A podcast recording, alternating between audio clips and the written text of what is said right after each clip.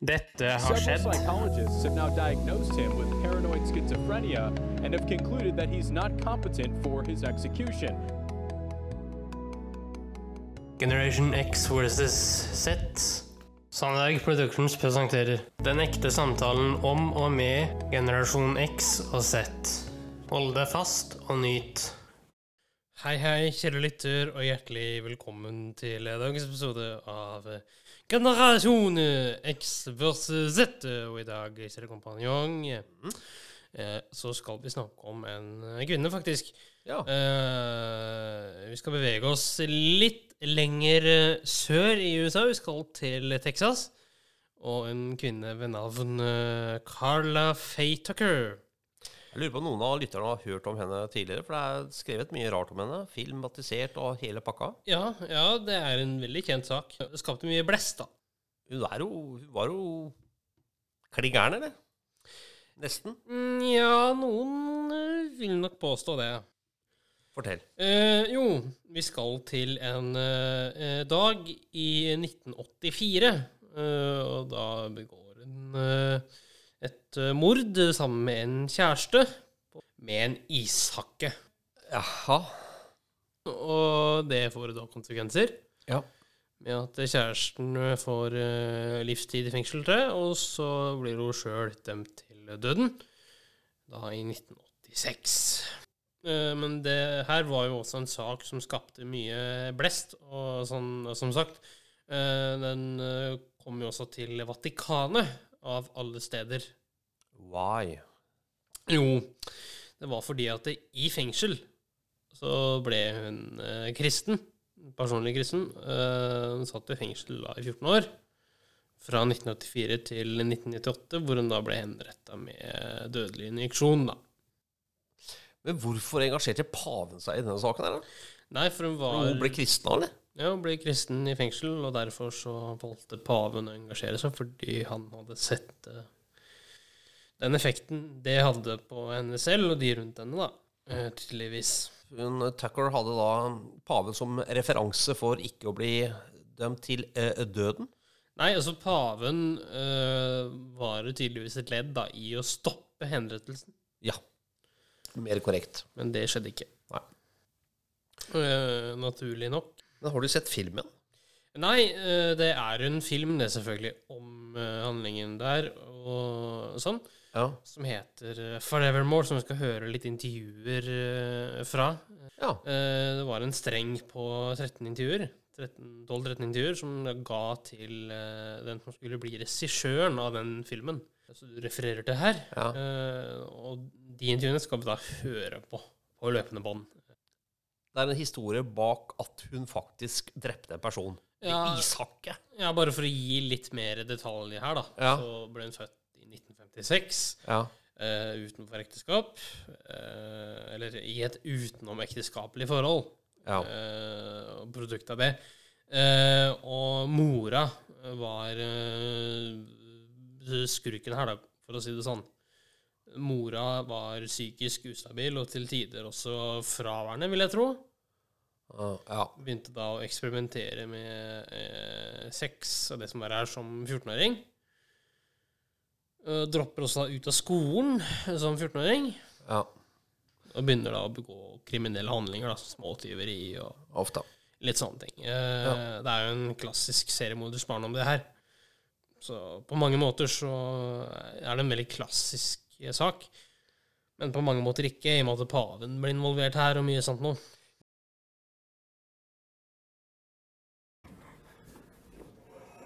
Is that hidden enough? That's great. okay. wonderful. Okay.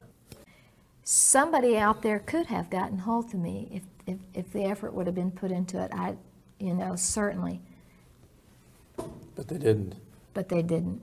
No, and there were absolutely signs all throughout my childhood that there was something wrong, and nobody stopped to really check into that. So, so I was just left to to, to destruct. Um, except for my dad. I mean, he noticed it, but he didn't know he didn't know what to do. He I was out of control, and he was under the the threat of my mother, you know, that if he ever laid a hand on me, she'd call the police on him. So he was like in between a rock and a hard spot. If I try and discipline her, I'll get sent to jail. If I don't, look how she's ending up. And so he ended up sending me to my mother, which was just as destructive. Ja. Ja, eh, hva tenker vi her? Nei, altså, det var iallfall en eh, Hun eh, var iallfall direkte og veldig åpen, føler jeg, sånn Ja, sett. ja. Hadde ikke noe særlig tiltro til moren. Nei, Men uh, faren visste jo ikke helt hva han skulle gjøre, da. Nei, han uh, hadde jo to valg. Eh, det ene var jo å uh, piska med belter, ikke sant? hvis han prøvde å disiplinere henne. Ja. Og hvor da den strenge straffen var jo tydeligvis fengsel for han. ja Um... Det høres ikke så forlokkende ut, da. Nei, hva hadde du gjort da? Nei, jeg hadde eh, Nå hadde jeg tatt de belteslaga, altså. Det hadde jeg prøvd å si at nei, jeg prøvde å eh, disiplinere dattera mi, liksom. Og, og si at du skal ikke bli kriminell og Altså, jeg har jo mer tro på klemmer, jeg da, vet du. Jeg er som Astrid Lindgren. Gi barna kjærlighet, kjærlighet og atter kjærlighet, og masse klemmer. Kommer det fornuften ut av dem òg. Skal jeg si deg, Henrik, det fikk du når du var mindre. Du får jakka meg ennå. Ja, øh, ja det er jo sant, da. Sant, da. Men øh, nå øh, kommer et lite segment du har gleda deg veldig til, tror jeg. Okay. Eh, for nå skal vi høre de intervjuene jeg har referert til her. Ja. Carla, one of the areas you've really had to deal with is forgiveness. You've had to extend it and you've had to receive it. But there's a great freedom that comes with that. So many mm-hmm. of us who aren't behind these bars and walls and plexiglass and, and wire are trapped in unforgiveness. What's God taught you about forgiveness? that, as you said, there's a freedom in it. When I was forgiven and I experienced that forgiveness, it freed me up inside to to soar. You know, it freed me up inside to go higher and to go deeper with the Lord. But when we're holding unforgiveness, we're blocking. We're blocking um, communication and intimacy with the Lord in our own lives, and, and bitterness can start to take root in us. Well, when God forgave me, I think he, he used that forgiveness and that love to reach down inside of me and take every root of evil, every root of, of, of horror that was in me, and literally pull it up and get rid of it and go back in me and fill up with, with his love. Carlos, sometimes when people come through experiences like you did as a child, you can feel so trapped. You can feel like nobody really knows you. You can feel very alone. Then you come into a place where you're set apart from society, and in a way, you're still alone. But God has done some amazing things to you. In 14 and a half years, you're not the same person you were when you came in here. No, not even near the same person. We hear so much about praising God in the midst of difficult circumstances. Has praise been a big part of what's allowed you to really exist in a free way spiritually in the midst of all of this chaos? Oh, yes. To, to praise the Lord because God inhabits the praises of His people. But to, to praise Him, that's even a choice that we make too. It can't be a feeling that we have, it has to be a choice that we make to open up our mouth and release that praise to Him so that through that He can, he can come in and do in our lives what He needs to do. For every action, there's a reaction. Every choice that we make in life has a consequence. Yes. In the society that we live in today, there are a lot of adults making choices that, that are inappropriate. What would you say to them? You have to think about others. Every choice we make affects somebody else's life. Every decision we make affects somebody else's life. And there are consequences, whether they're positive or whether they're negative. We, we have to get back to the basics of what God says in the family and everything, and we need to let our lives be governed by the morals of God, by the integrity of God. And until we do, it's almost an I don't care attitude. Well, it is an I don't care attitude. It's I don't care about others, I just care about myself. Out there, before I knew the Lord, I always said I had to look out for number one, which was me, or nobody else would. But we know who number one is, don't we? We know that number one is Jesus, and number two is others, and then us. And if we can really live our lives that way, our world would be changed. You've had a, a date set now, as everyone knows, but you know, that really, I'm sure this hangs over your head the whole time after a sentence like this has been given, but it really comes home once there's a, a number put on it like that. Are you afraid of dying? No, I'm not. I'm not afraid of dying. I mean, I know where I'm going. I know that Jesus has already gone to pre- prepare a place for me. Um, I know that if I have to go February 3rd, that He's going to come and He's going to escort me personally. I believe that. Um, so I don't, I have no fear of that, and I don't worry about myself, but I certainly am concerned for those who are going to be left behind, for my family and friends, my husband.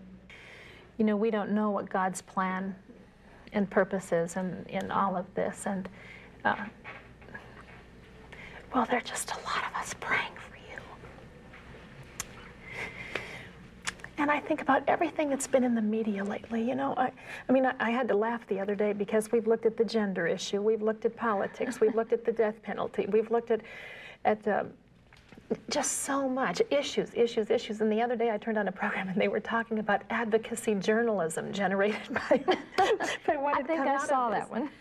And I just shook my head because I, I thought, you know, we, we don't get it. It's not about any of those things. And in truth, it's not even about you. No, it's not. It's, all about not. Him. It is about God. It's about redemption. It's about the blood of Jesus and what the power of God to change a life. It is about what Jesus did on the cross. And that'll be true whether you're commuted or whether you're executed. in my life or in my death.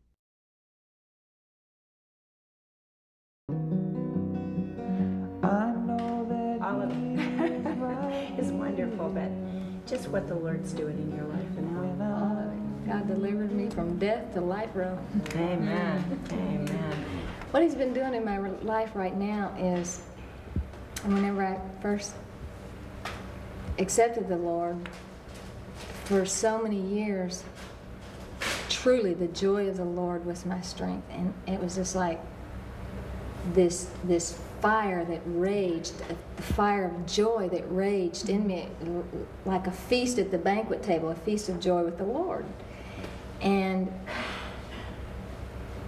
for about eight years, it was like this humongous feast of joy. And then all of a sudden, God put me in a situation where I had to, to grow up into this is going to sound really weird, but grow up into tribulations. Mm-hmm. Does that sound kind of mm-hmm. like taking me from my comfort zone mm-hmm.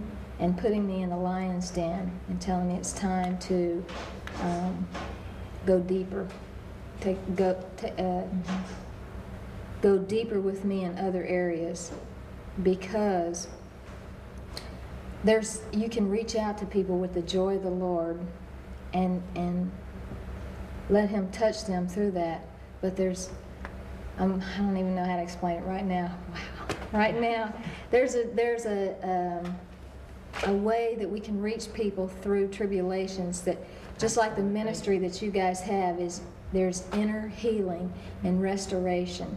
And until you've been through that yourself you cannot there's you just can't minister that to others you know because the lord said comfort others wherewith ye have been comforted yourselves. Mm-hmm. And so until we've really been through the i'm talking about the fire. Till he's turned that fire up on us and and caused us to go through it so that we could go to a deeper level with him. Um, and and that's what he has done in my life just recently with my uh, stomach situation and being in my room for a while. And it was like it was like I was in the wilderness And I had shared with y'all, but I was by no means dry. I mean, it, it wasn't a dry place because there's always a well of living water bubbling over no matter what because circumstances don't dictate my joy. So the joy bubbles over no matter what. But um, had a really hard time with, with that situation. And the Lord had to say, I'm in there with you. What is it? Mm-hmm. Karla, I am right in there with you. And are people seeing you gripe and complain about this? Are they seeing you praise me and show them that my grace is sufficient right there in mm-hmm. that? Um, and it was another place where he took me out of my comfort zone and said, There are people out there that are going through exactly what you're in right now. Until you go through it and you let me bring you through that, mm-hmm. there is no way you can minister to them. And there was a time when I couldn't have. I'm, I'm ashamed to admit that there was a time when I would have said, Get over it. You know the Lord. Get over it. Yeah. But he showed me it's not that easy. Hmm. you, and so he took me through something that I wouldn't have chosen for myself. And what I was sharing with you earlier is it's not about what we would choose for ourselves, but what God has chosen for us, and that we accept that with joy. Just like in that book, that we accept that with joy and surrender and yield to what He's doing. And then He'll start showing us where He's at work around us, just like in the experience of God. Mm-hmm. He'll start revealing where He's at work around us, most of the time through what He just put us through. you know, mm-hmm. what He just put us through. Mm-hmm. There's going to be somebody that He's going to say, okay, you just went through it. Now here's somebody, now you go to them and you minister to them. And so it's been pretty neat, just like Really changes your life. I mean, because you don't have to fear pain because you know the Lord will be with you in your pain. Mm-hmm. And so instead of trying to dictate circumstances, Yes. you put your trust fully in the Lord and you welcome pain because you know that in the pain you're going to have a, a depth in your relationship with Jesus and with other people because it's really Yes.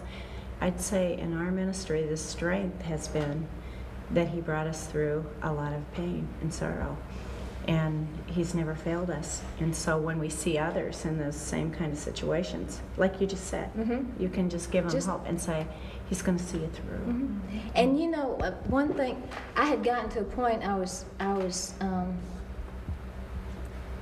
at a point in my life where I believed that, I mean, we all absolutely know that God is well, well able to heal us, to do anything in mm-hmm. our lives that He so chooses, just with a blink of an eye. God is capable of doing anything, but He's not always going to do that because it's not always mm-hmm. what's good for us. Mm-hmm.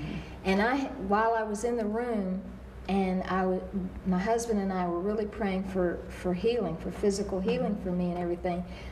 And it was like I just jumped right up on the throne and just demanded this from God. You're, I'm your child. You're supposed to heal me, God. You know, uh, I'm not supposed to be going through this humiliation and this tribulation. And I was telling him how to be God in my life. You know, your word promises me these things. They're mine because I'm in a covenant relationship with you. They're mine. You've got to do this. And when I finally shut up and could listen to him, he said, well, he said, I will do what I know is best for you. And mm-hmm. I'm God. I'm God. You Right. let me be God in your life. And he's not we he also he showed me that the way that the world sees humiliation is not the way we should look at it. Mm-hmm. Because what he calls it in our lives is tribulation. Mm-hmm. Some of the things that I went through, I thought this is so humiliating. Well, I'm going to tell you that, that Jesus truly does heal you inside when you're going through something like that. If he doesn't bring the physical healing, which he is well capable of, but if he chooses not to do that, either right away or until you get home, um, the inner healing comes when you re- truly, truly release that to Him. Put it at the foot of the cross and leave it there and tell Him, you know, I just had gotten to that place where, you know what, God, I, I can't do it anymore. I'm at the end of my rope on this. I've prayed, I've begged, I've demanded, and I'm, I've got to let it go to you because it's starting to get the best of me. And He said, That's what I've been waiting on, Karla. you know, so, and then he started restoring to me the joy of my salvation again and that peace because I was allowing that the enemy to take that from me slowly, you know. So he was able to restore that when I released that to him completely and said, "Okay, God, you don't have to do anything. You are well able to do everything, but you don't have to do anything because you know what what road you have to take me down to get me exactly where you want me." You know, and in reference to Well, it tells me a story that he lives in you.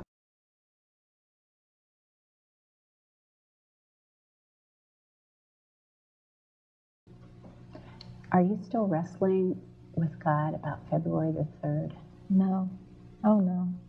I've actually, I've never wrestled with God about February 3rd. Um, I've always put that in God's hands and have a great peace about it. I want those who are left behind if February 3rd happens. I want them to, to have peace with that too mm-hmm. and to know, I mean, even through the prayers, when we pray and we believe God is going to do it, if when He chooses to do it His way, and if that way is to call me home, we have to accept that. And we have to have peace with that. And we have to go on and minister that to people also. Just like in Hebrews in the faith chapter, where there were those whom God delivered, and there were those whom God didn't, that they died believing. Um, so we have to use whatever He gives us Right. As a way to minister to people. We have to accept that from the Lord. Last night when we had your prayer vigil, I'd really prayed about what to share. And you know, when you look at Esther and how they prayed and Esther was released, and that was, I mean, that's so exciting, and all the people, and it's a great victory Yes. book. And right now, I feel like this is a great drama, and the whole, I mean, the whole world's watching this unfold. Yes. And you know, God has shown me that He is the producer, the director. and you- Amen. You have the star role. You have the lead role. well, I don't know. And we're all supporting cast. But it's basically, it's in God's hands. Yes. And with Esther, there was uh, deliverance for the people. Yes. For the people. Right. Wow. But there are times when it doesn't work that way. And so we talked about that last night in the main prison because it's so important. I said, I gave a word from you that you want us to glorify the Lord in this. Um, as you think about February 3rd, and we all are praying, we're praying that favor, we're praying for release. Um, what is it that you'd like to say if you do choose to be with Jesus on February? You don't choose it, but it happens that you're with Jesus on February 3rd. What would you like to say to, to those of us that would be um, just grieving because we're going to miss you so much? I want to say thank you for just, I love you first. I love you guys. You, your prayers that you lifted up all the time, that undergirded me through this is, is part of what God used to, to keep my joy level just skyrocketing. Um, and it couldn't have been done without the prayers. It couldn't have been done without that kind of support. And I'm still, I'm still going to be here in spirit with you. I'm still going to be here in, in the hearts, and I'm going to be up there seeing what's going on there. I'm going to be in that arena with all the rest of them, rooting you on while you're down here still going through it. You know, I'm, going to be rooting you on and applauding when you make it and helping you when you kind of, kind of, you know, are going through hard times. So, I mean, we're still going to be together, and I'll see you again one day. Um, there's just so much. There's, Yeah. there's more, but this. Yeah, we There's so much more. I mean, so many people have affected my life in so many ways. You know, I, re- I remember um, back in 92 when Kathy Ryan, she wrote to me, and, and I was just learning about the refiner's fire. And Kathy Ryan wrote to me, and she said, Karla, I'm praying for you, and this is what I'm praying for you, and you may not like it, but I'm going to tell you what it is anyway. She said, I'm praying that God will just stick you right in the middle of that fire and just turn it up and just really put it to you. And it was so neat because that's what I was going through at the time. God was putting me through the refiner's fire, and He was teaching me about that, and He was he was taking me deeper and he was bringing all of this junk up and he was showing me how to how to go through that. I don't know I, it, it was wonderful and kathy ryan was bold enough to step out and say this is what i'm praying for you. This is what you need in your life and that's love you mm-hmm. know? That's mm-hmm. loving a sister and not being scared to to you know share un, uncompromisingly what god has put on your heart with somebody. And Mary. Oh gosh, Mary, she her way of expressing herself so she is so free in the spirit. And when she came in here that first time and we did those little clay vessels, it was so awesome. I mean, first she danced around in the spirit and she was doing like what when God as he she was doing what she thought God would be doing as he was creating the world. And I just sat there in awe of how free in the spirit she was. And then she shared about God the Creator, and that helped me to get a deep, deep revelation of the Creator. He is inside every one of us. You know, God, His creative nature is inside every one of us, and we can create just like He can. And it just came so alive to me. Every time Mary comes, just the way she expresses herself and she helps us to take the clay and to take different things and to just shut our eyes and to let God create what's going on down inside of us. You know, what He's doing inside of us to bring that out and create it with our hands and show it and share about it unashamedly you know, and to see how us women shared about the pain and the guys Yes. kind of held back Yes. on that one. That was so was wonderful. that really touched down. They skipped over the pain, went right into the victory. Boy, that's where that's what we all want to do. Is It- right it now. I mean, it's just like, yes, we just want to move, but it really, it's the pain in our life yes. That brings us into a deeper place with the Lord. I know Yes. we talked about this in the other video we did. Uh, we talked about the fact that it's really the pain that presses us into Him and where we really get to know Him. Mm-hmm. And Paul prayed that, that he could share in the fellowship of his suffering. Suffering, yes. And Karla, through what I've been going through recently with you, I have a new understanding of God the Father. Because I think of how God the Father knew the Son's execution date mm-hmm. mm-hmm. and how perfect that Son of God was and how he loved his Son. And as I was thinking about that the other morning, I was walking and I, I just said, I'm sorry, God. You know, I, I'm so sorry that you suffered that. And, and yet I know it was for us. For us. And I know I wouldn't be thinking that way if I wasn't where I am with you today. So I thank you for the honor of walking with you. And I can, you'll never know, you know, till you get to eternity, the number of lives that you have touched in a, in a little death row cell. Mm-hmm. People were looking after not just mine, but both of ours best, what they thought was our best interest by, uh, by saying, you know, you know, you, you know, you're not going to be able to touch and you're not going to be able to love and squeeze one another and you're not going to be able to be there all the time for one another. But God had put something so deep in our heart that it, it's ju- it was just unmistakable. Did you ever believe that there was a man like Dana and you, that he would choose to love you? No, I never, in my wildest dreams, could have imagined. I, I didn't even know how to pray for somebody that wonderful. Even knowing the Lord, I didn't know how to pray for someone that good.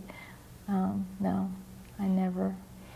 And I really just felt like, and I know that the Lord spoke to my heart, and He told me if, if you'll walk through the circumstances, if you'll walk through the circumstances, I'll deliver Carly into your arms. And uh, I mean, I knew that I knew that I knew that the Lord had spoke to my heart, and and um, and we believe it, and we're standing on it. Dana, this one's for you. I'm not going to make it through this. Um,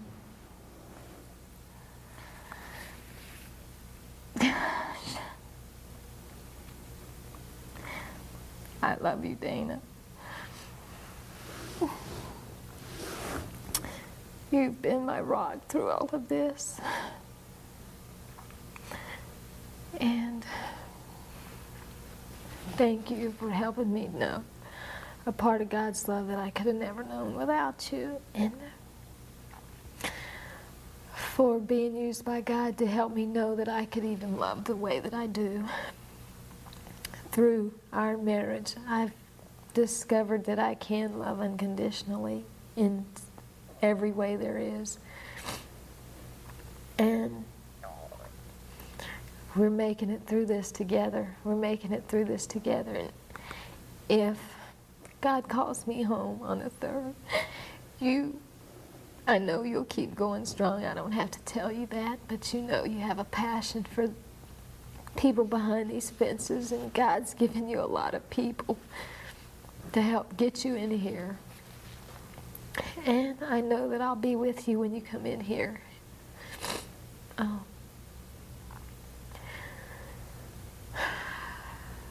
it's been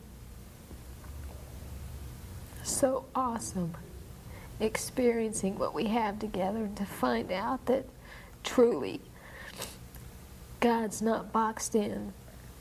He's never been boxed in with us.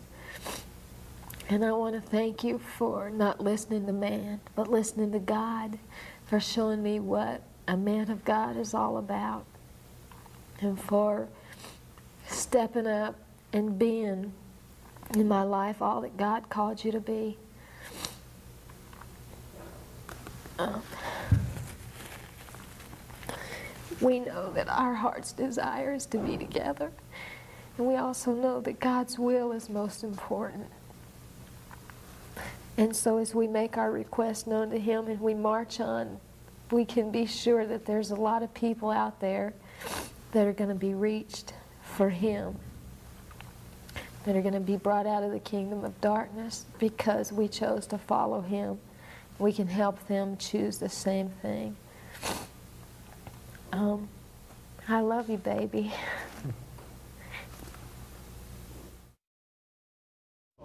There are many, Dana, who will wonder how you could be here just hours after your wife's death and share it. What, what's keeping you going? Jesus. It was just Jesus, Kathy, and uh, um, and and the love that she had for him was so inspirational and has touched so many lives. And as you look around here today, I mean, she's literally touched the world uh, for Jesus and been a tremendous testimony. And to be honest with you, I don't think it's going to stop uh, just because she went to be with him. I think it's still going to reach out. Her testimony is going to reach out to millions of other people. What was on her heart that her last words? What did she say? And knowing her as well as you do, what do you think she she hoped to to, to impart? She was just, um, you know, asking for forgiveness and, and uh, trying to touch people's lives even the, with her last breath.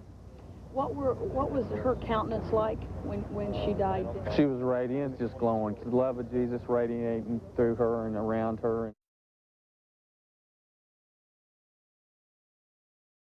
In Revelations 12:11, it says that they overcame by the blood of the lamb, the word of their testimony, and they loved their lives not unto death. That verse embodies Karla Faye Tucker and her message to the world and to the church that we can be overcomers, and in our life or death, God would be glorified. And the film Forevermore is a journey of one woman from the depths of despair to personal triumph on Texas death row, and how God was faithful and revealing the bride of Christ in one person, Karla Faye Tucker. She's a model of what the church should look like and what Christians should look like, loving their lives not unto death. And when you become a Christian, you really die. You're dead in Christ. And it says that we're crucified in Christ, and therefore we no longer live, but Christ lives in us. And Karla knew that, and she received that love from the Father and was able to walk 14 years on Texas death row with that testimony. Ja, um, det var det. Vet du hva jeg føler for noe? Ja. Humor. Humor, yes.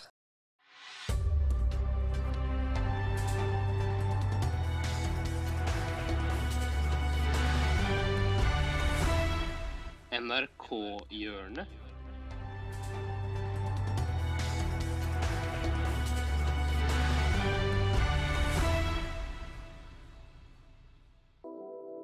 Eh, ja, i dag så skal vi eh, lære litt òg, faktisk. Ja, det er hyggelig. I dag skal vi lære eh, hva lion breathing er for noe, og eh, hvordan det gjøres. Ja, ok. Ja. Ja.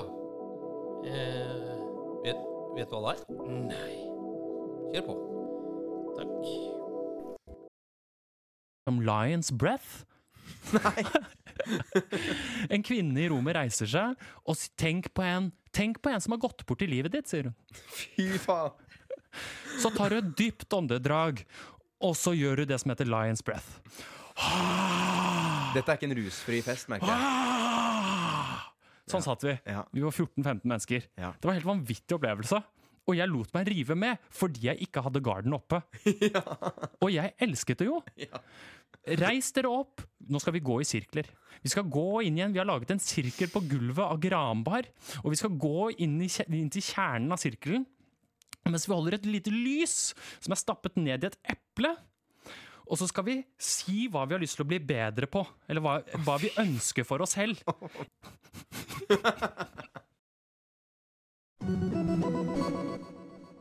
Hva tenker du nå? Skal vi ta en sånn runde, vi, du og jeg, eller? Ute på verandaen, i gangen, ute gårdsplassen. Eh, ja, vi kan jo ta det nå, da. Ja, vi kan jo prøve å ta med oss flest mulig naboer. Why not? Ja. Kan ikke du bare begynne? Det er din tur. Da må vi gjøre det sammen, da. En, to, tre. Nei, det ble, det ble rart. Det ble rart. Ja, ja. ja, ja. Vi prøvde iallfall. Takk for i dag, gutten min. Takk for i dag, du. Tusen takk for at du fulgte oss. Gi gjerne tilbakemelding, likes eller kommentar på Facebook-siden vår Generation X versus Z. Velkommen igjen til neste podkastepisode. Hei då!